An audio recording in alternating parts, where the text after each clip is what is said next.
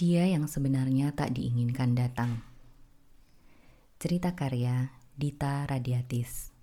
Narator Aryani Wahyu.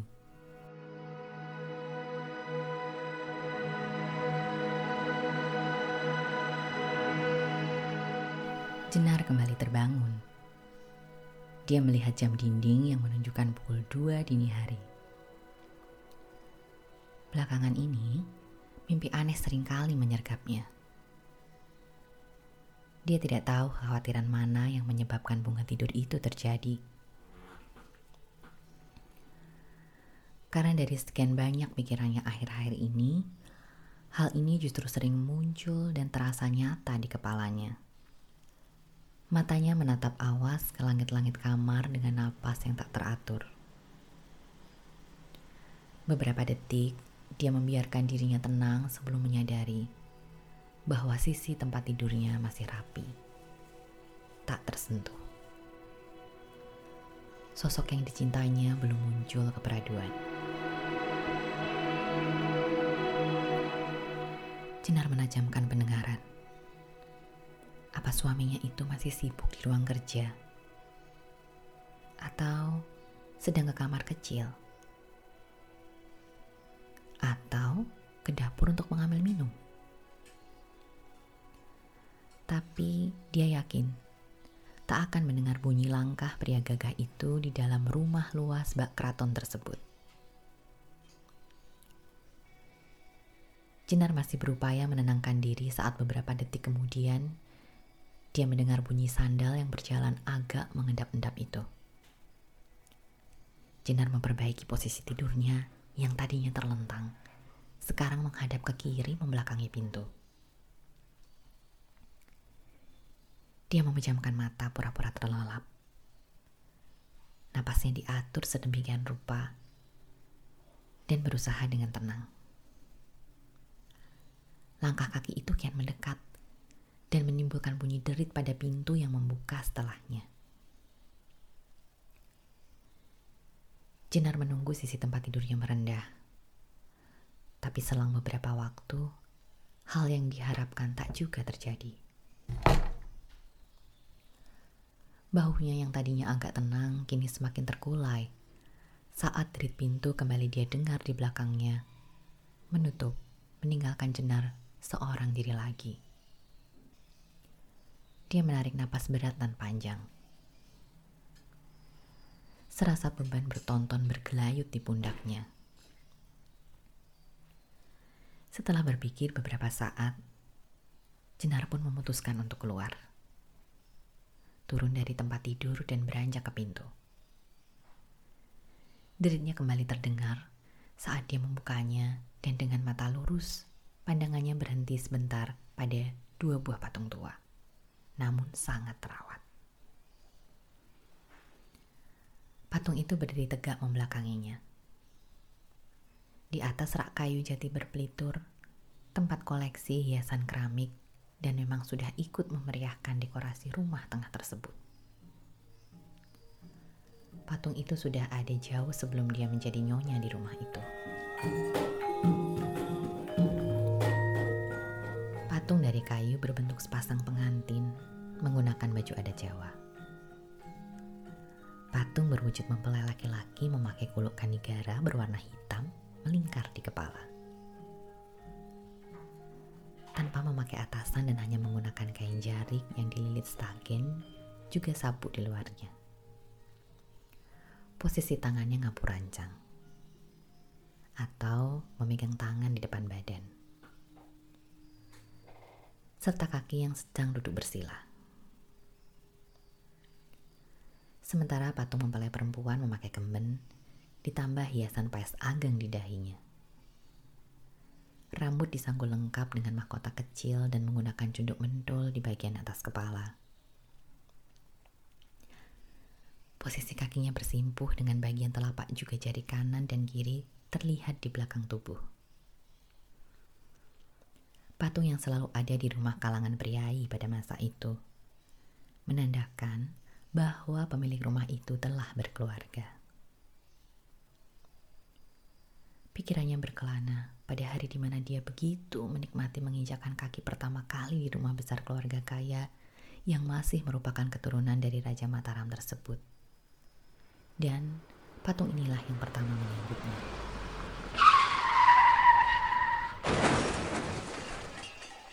Lima tahun yang lalu, pria itu merasakan sakit luar biasa menjalar dari kaki hingga panggul. Kedua lututnya kaku dan tak bisa digerakkan. Darah segar mengalir dari kepala, lengan, juga sebagian kakinya. Tadi dirinya terlempar dari pintu kemudi yang sempat terbuka sebelum mobilnya jatuh ke jurang. Badannya yang sudah babak belur menghantam batang pohon besar dan tertahan di sana. Dia mencoba sekali lagi menggerakkan organ tubuhnya. Tak berhasil. Kecelakaan tunggal yang baru saja terjadi membuat kepalanya nyeri dan tiba-tiba saja tulang belulang dalam tubuhnya serasa menghunus hingga ke ulu hati. Membuat pandangannya menggelap dan dia tak sadarkan diri. Sayup-sayup pria itu mendengar bunyi desis air yang menggelegak.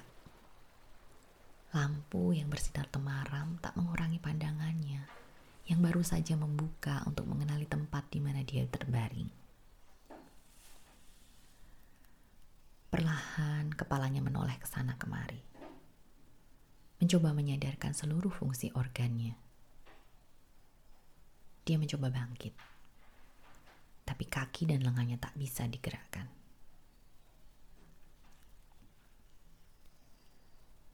Radin sudah bangun? Suara lembut seorang perempuan terdengar masuk ke bilik tempat dia beristirahat. Hanya ada lemari kayu tua, meja untuk berdandan dengan alat rias secukupnya, juga tempat tidur yang dia pakai hanya berupa balai dengan selembar kasur yang tak lebih baik dari karpet di rumahnya. Saya di mana? Tanya pria itu sambil terus berusaha untuk duduk. Raden, tenang dulu. Lukanya masih belum membaik. Sosok itu kini bisa dilihat dengan jelas dan membuat pria yang disebut Raden tadi terkesiap sesaat. Begitu sabar dan telaten gadis itu memapahnya membantunya duduk untuk bersandar di dinding dengan bantal di punggung.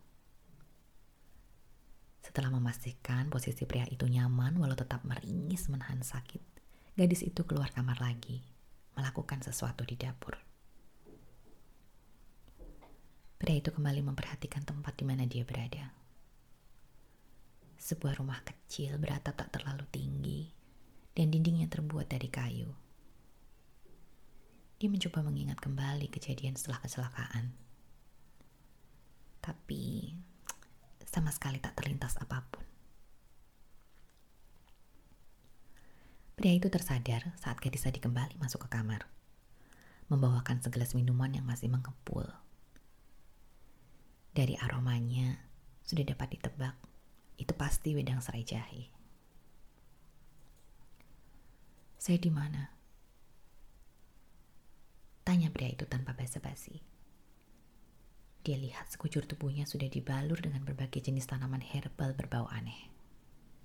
Juga dililit kain di beberapa bagian. Kenapa tangan dan kaki saya begini? Kamu tidak bawa saya ke dokter?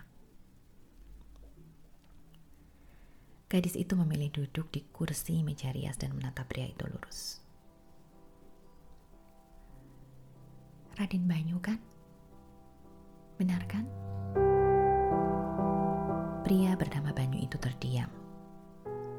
Bagaimana gadis ini tahu namanya? Namun detik berikutnya Banyu kembali tersadar. Tentu saja orang-orang akan tahu siapa dirinya. Dia adalah pewaris keluarga Broto Suryo. Lelaki matang yang terkenal akan sikapnya yang penderma dan juga disegani oleh para punggawa di desanya. Tapi Bukankah ini jauh di luar batas desanya? Karena sebelum kecelakaan, dia ingat kalau sedang melakukan perjalanan dinas mengurus pabriknya di kabupaten sebelah. Maaf kalau saya lancang membuka isi dompet Raden. Karena saya tidak tahu harus menghubungi keluarga Raden dari mana. Ucap gadis itu dengan tenang. Oh, ternyata gadis ini sudah menggeledah kartu identitas Banyu.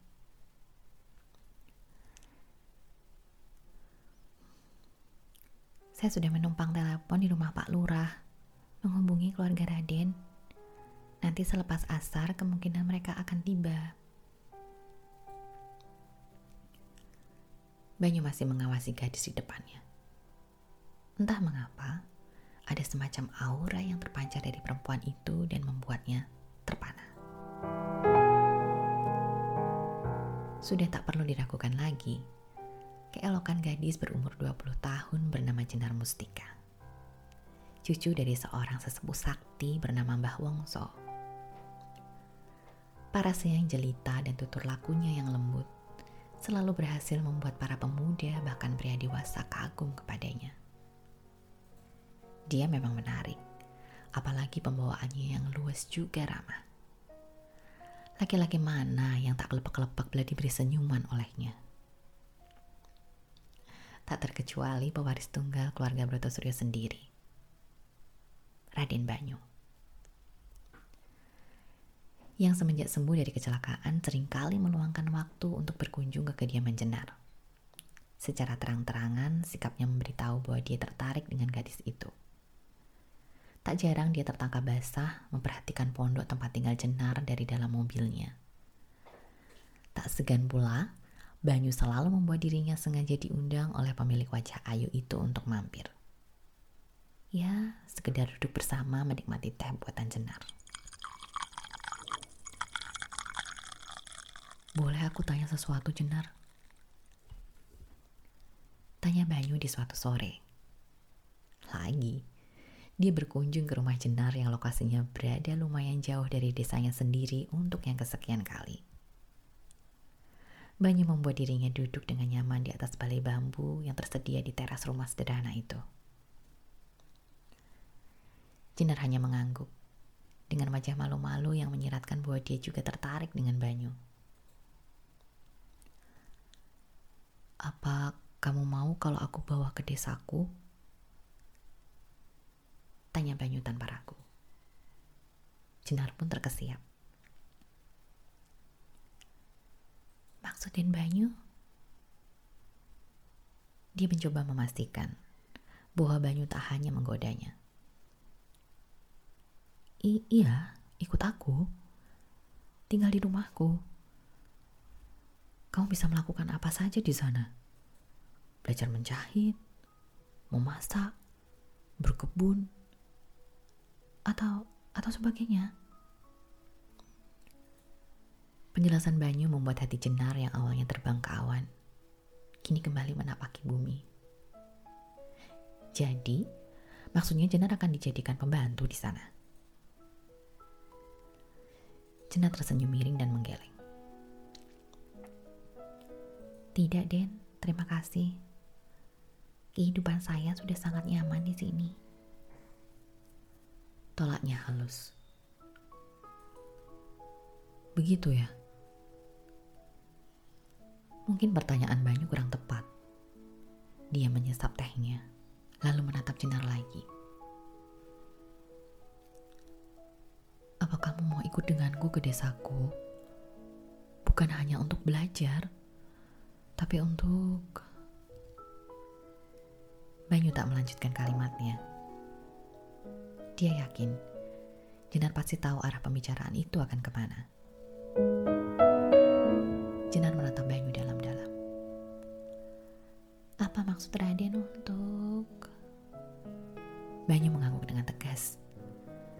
Dia tersenyum penuh arti. Begitupun Jenar. Rasa-rasanya umpannya berhasil dia raih dengan baik.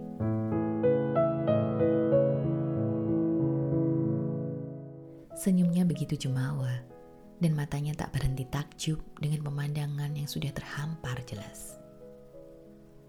Rumah Jawa kuno beratap tinggi dengan pilar besar dan megah bak keraton menghadirkan nuansa nyaman dan berkelas. Berbeda sekali dengan hidupnya yang selama ini hanya meringkuk di atas kasur tipis dan balainya hampir reot.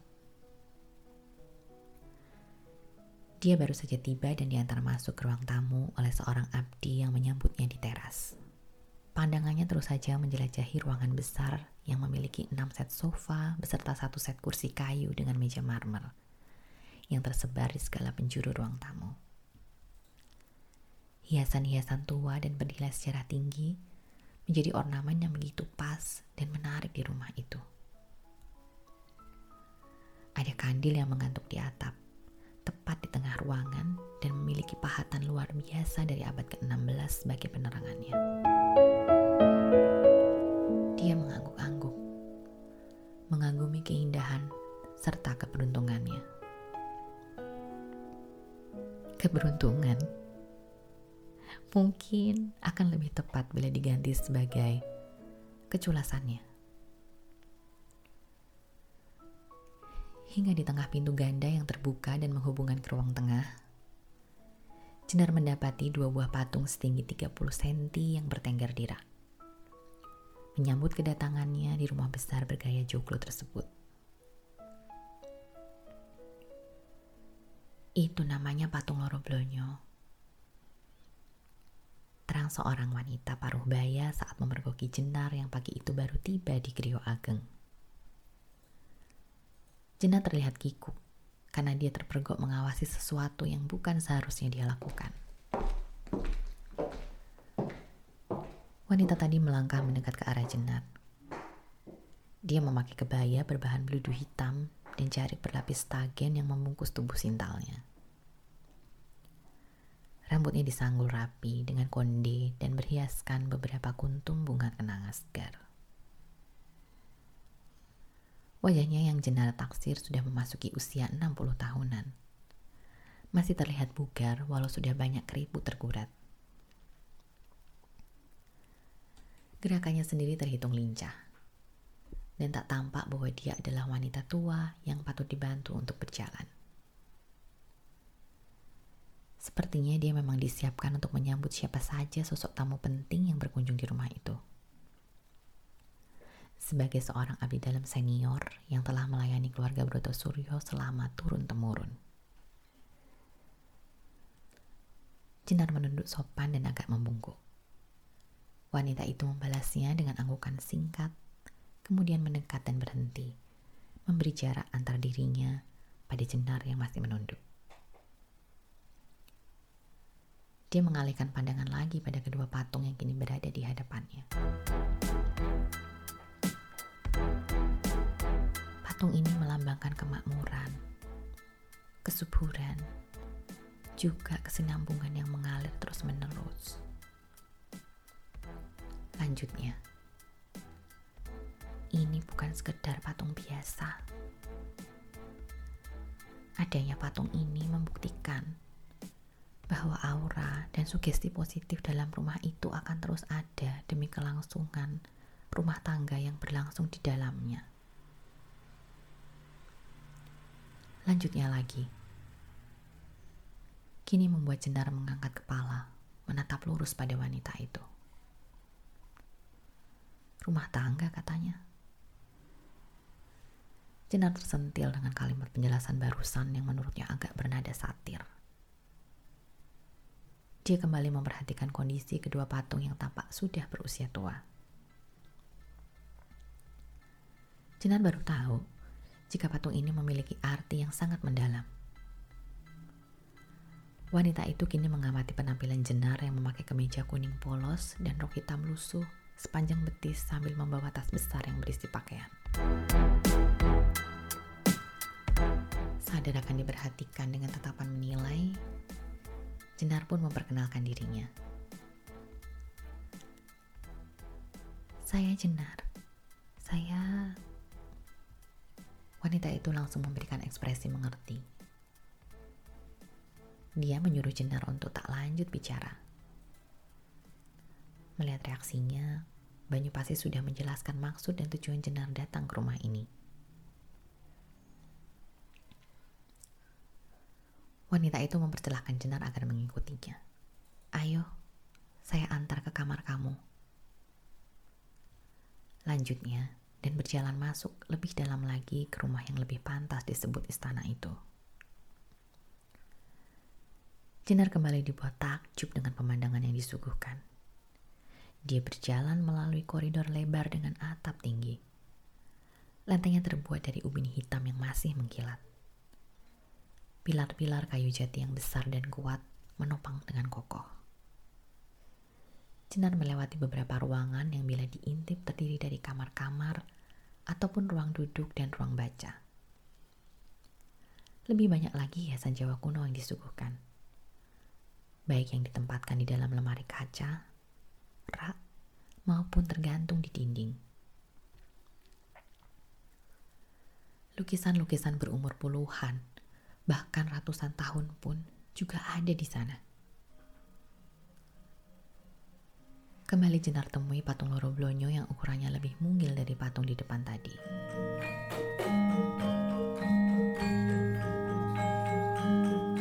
Patung ini hanya bisa kamu temui di rumah kaum priayi.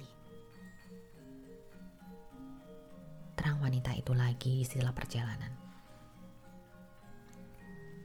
Dia berhenti di depan patung Loro Blonyo kedua yang menghadap ke arah kedatangan mereka sebelum sebuah ruangan besar kembali diperlihatkan. Ada beberapa unit sofa yang lebih sedikit dibanding ruang tamu tadi. TV tabung, juga satu sisi dinding yang terdapat rak dan dipenuhi buku-buku. Lantainya berkarpet tebal, dan itu juga lebih baik daripada kasur tempat sinar bergelung. Lantainya berkarpet tebal, dan itu jauh lebih baik daripada kasur tempat jenar biasa bergelung. Benar sekali bila rumah ini disebut Grio Ageng, yang artinya rumah besar. Jenar menghentikan langkah kakinya, mengikuti gerakan wanita itu. Tak ditemuinya abdi dalam lain di dalam rumah. Mungkin mereka akan muncul bila dipanggil kemari. Mungkin juga bagian dalam rumah ini adalah daerah kekuasaan dari wanita itu.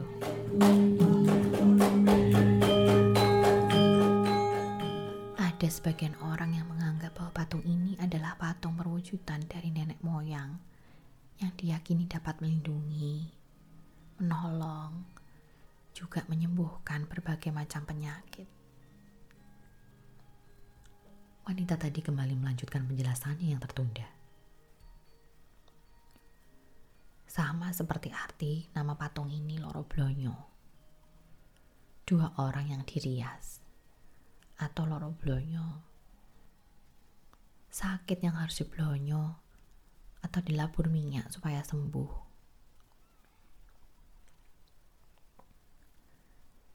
Dia menyentuh wajah patung yang tampak coreng-moreng tersebut, lalu menggoreskan tangannya pada pipi patung itu.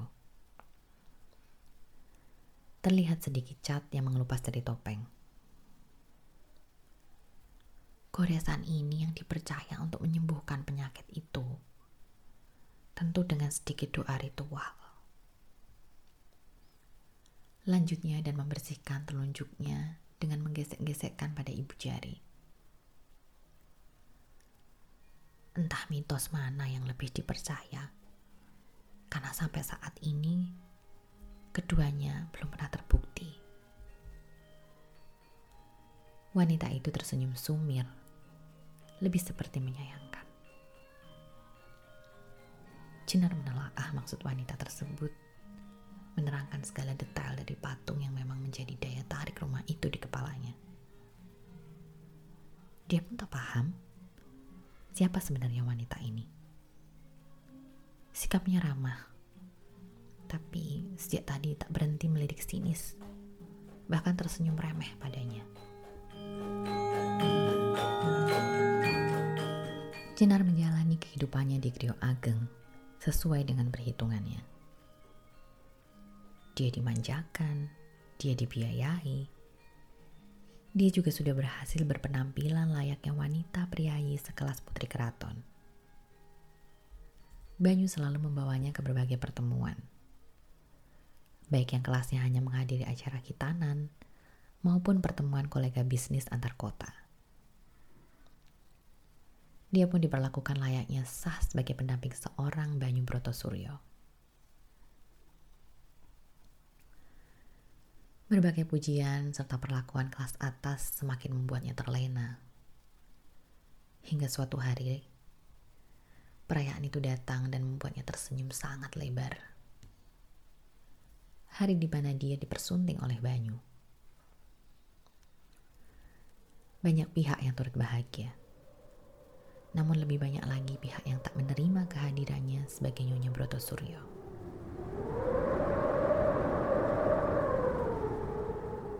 Dewi Sri dan Dewa Wisnu mengerahkan kuasanya dulu untuk turun ke bumi agar mereka bisa memberikan kebahagiaan serta kemuliaan pada sebuah pernikahan dan diwujudkan dalam bentuk patung ini. Wanita yang menyambut Jenar beberapa bulan lalu itu mengeluarkan lagi kalimat tajamnya. Dia melihat patung loro blonyo mungil menghiasi sudut meja rias kamar jenar. Menanggapi pernikahan yang tak pernah dia setujui sejak awal.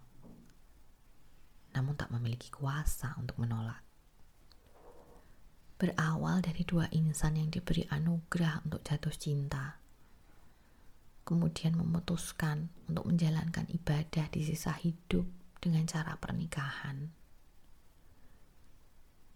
hingga menghasilkan keturunan suci dari proses itu. Tapi melihat hal yang terjadi di sini, saya rasa kedua dewa itu akan murka. Tutupnya dan meninggalkan jenar yang terdiam seorang diri dalam kamar. Pernikahan itu tak kunjung dikaruniai keturunan. Banyu pun tampaknya mulai pasrah. Dia hanya menyibukkan diri dengan pekerjaan, sementara Jenar kembali mencari cara agar terlaksana keinginannya dengan mengunjungi berbagai dukun atau tabib terkenal. Semua sudah kehendak sang kuasa. Bila berani melakukan sesuatu, maka harus pula mengorbankan sesuatu. Kalimat dari salah satu dukun itu menyentak kesadaran Jenar.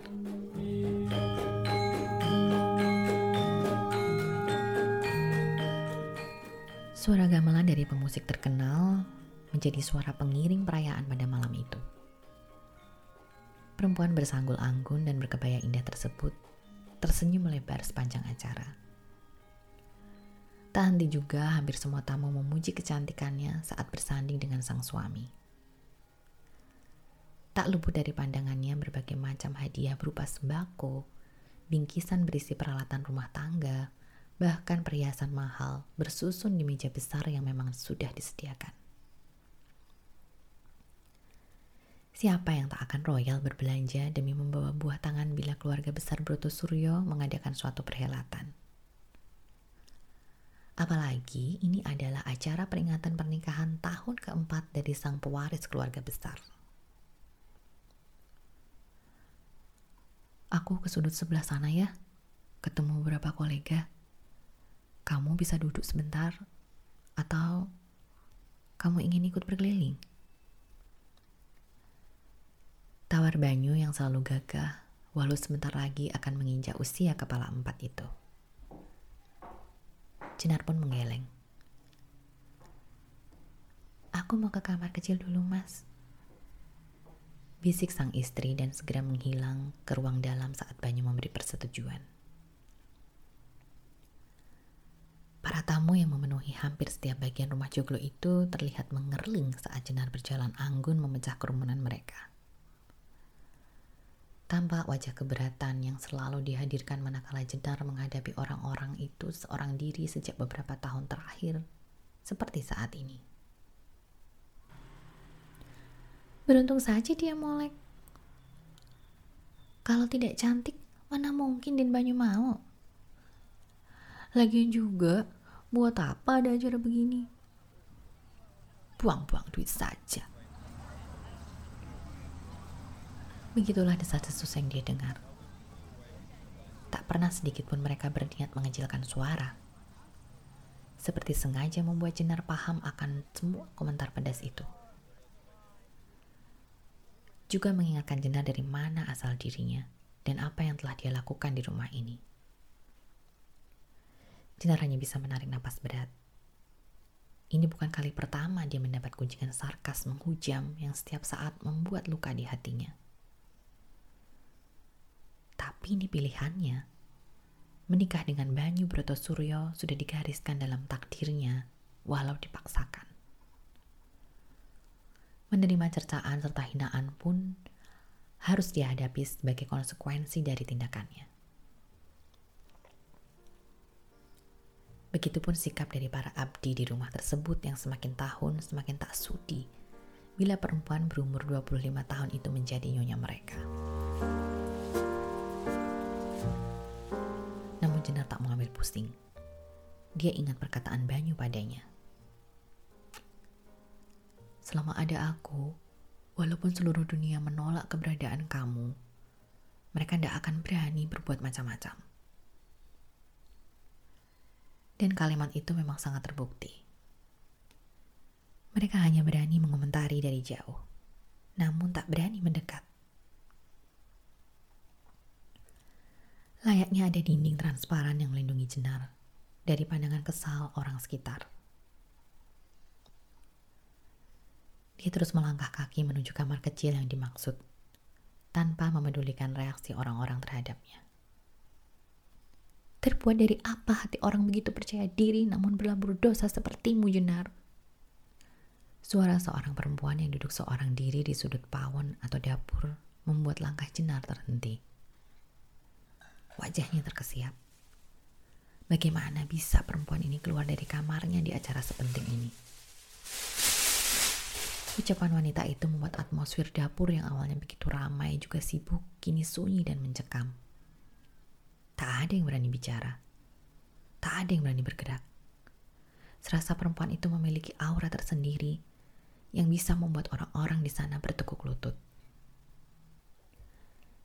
Ingat Jenar, Sejak pertama kali kamu mencoba menggodanya hingga berakhir dengan menerima pinangannya empat tahun lalu, hubungan kalian tak pernah mendapatkan restu dari langit.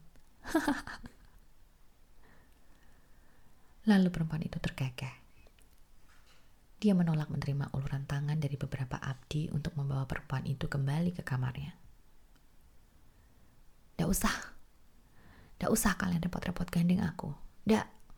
Tidak aku masih bisa jalan sendiri ke kamarku. Dia mengusir para abdi itu yang langsung menunduk patuh.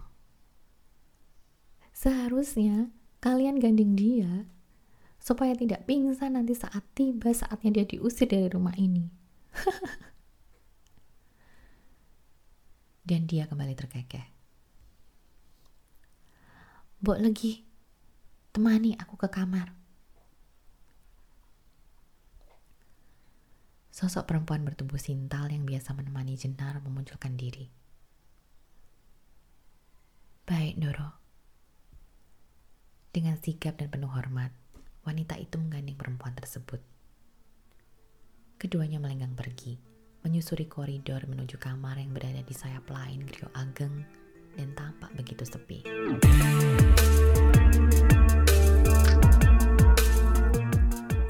Orang-orang di sana masih terdiam energi mereka seperti terserap oleh perempuan tadi. Auranya masih berpendar begitu hebat dan menyerang telak, walaupun penampilannya berantakan dan tak terurus.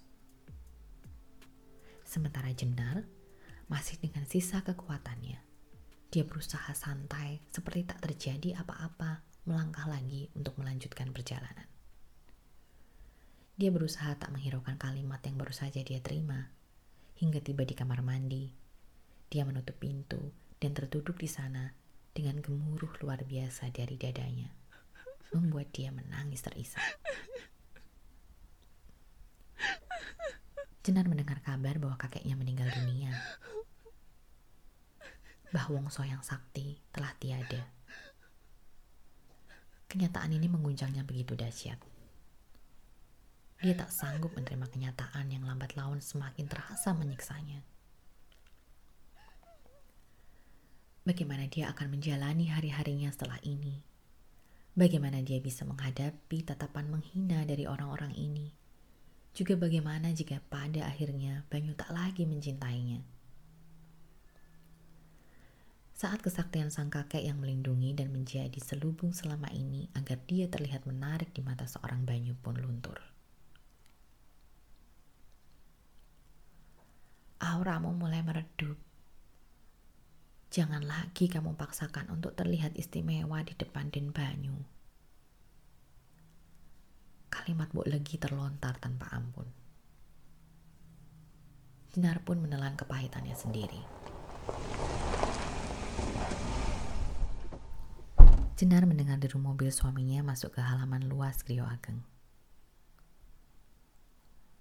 Dia menyiapkan diri untuk menemui Banyu yang sudah seminggu lamanya tak pulang karena melakukan perjalanan bisnis keluar kota.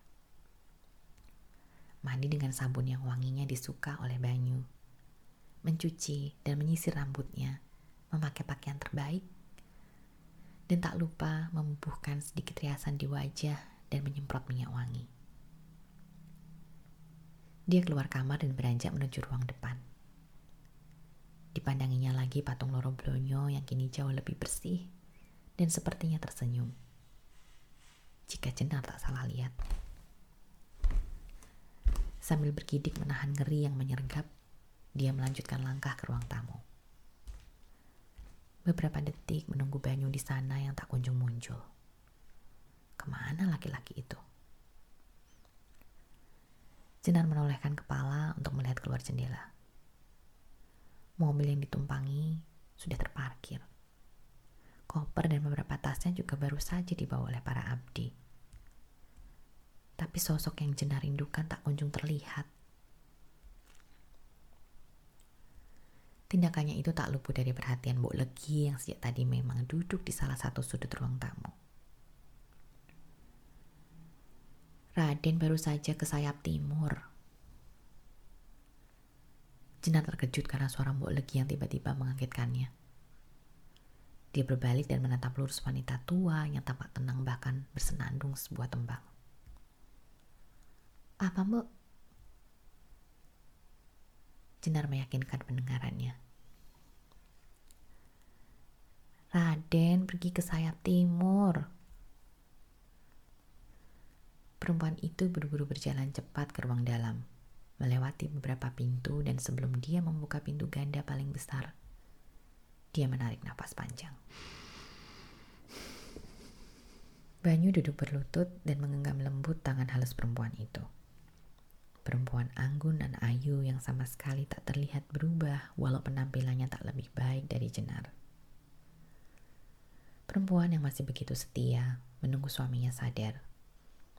Perempuan yang rela menyingkir dan memberi waktu pada suaminya untuk kembali membuka mata perempuan yang begitu tabah dan memilih untuk bertahan dengan pernikahannya. Perempuan yang telah berjanji pada mendiang kedua mertuanya, yaitu orang tua Banyu, untuk terus berada di sisi putra mereka walau aral menghadang menghiasi perjalanan hidup pernikahan mereka yang memang sudah diramalkan akan terjadi seperti itu. Maafkan aku Ranti. Aku ingin kita seperti dulu lagi.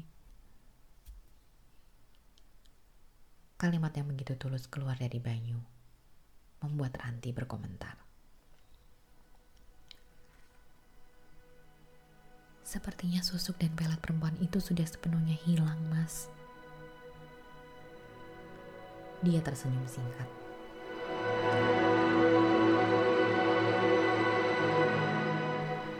Jenar menekan dadanya kuat-kuat. Mimpi yang sering terjadi padanya beberapa waktu terakhir tergambar jelas di hadapannya. Mimpi bahwa dia melihat Banyu kembali lagi pada istrinya. Dia tak sanggup lagi menerima semua ini. Dia tak sekuat Ranti. Dia tak setabah Ranti. Inilah konsekuensi yang selalu diingatkan oleh sang kakek sebelum Jenar memutuskan memakai benda laknat tak kasat mata dalam tubuhnya itu. Sebuah tindakan yang pada awalnya tak dia pikir matang-matang, sehingga menghancurkan sebuah keluarga bahagia tanpa celah demi memenuhi hasratnya yang terlahir miskin dan berkekurangan sejak kecil. Tampaknya patung Loro Blonyo yang juga berada di sudut kamar Ranti memberikan ekspresi jemawa yang sesungguhnya.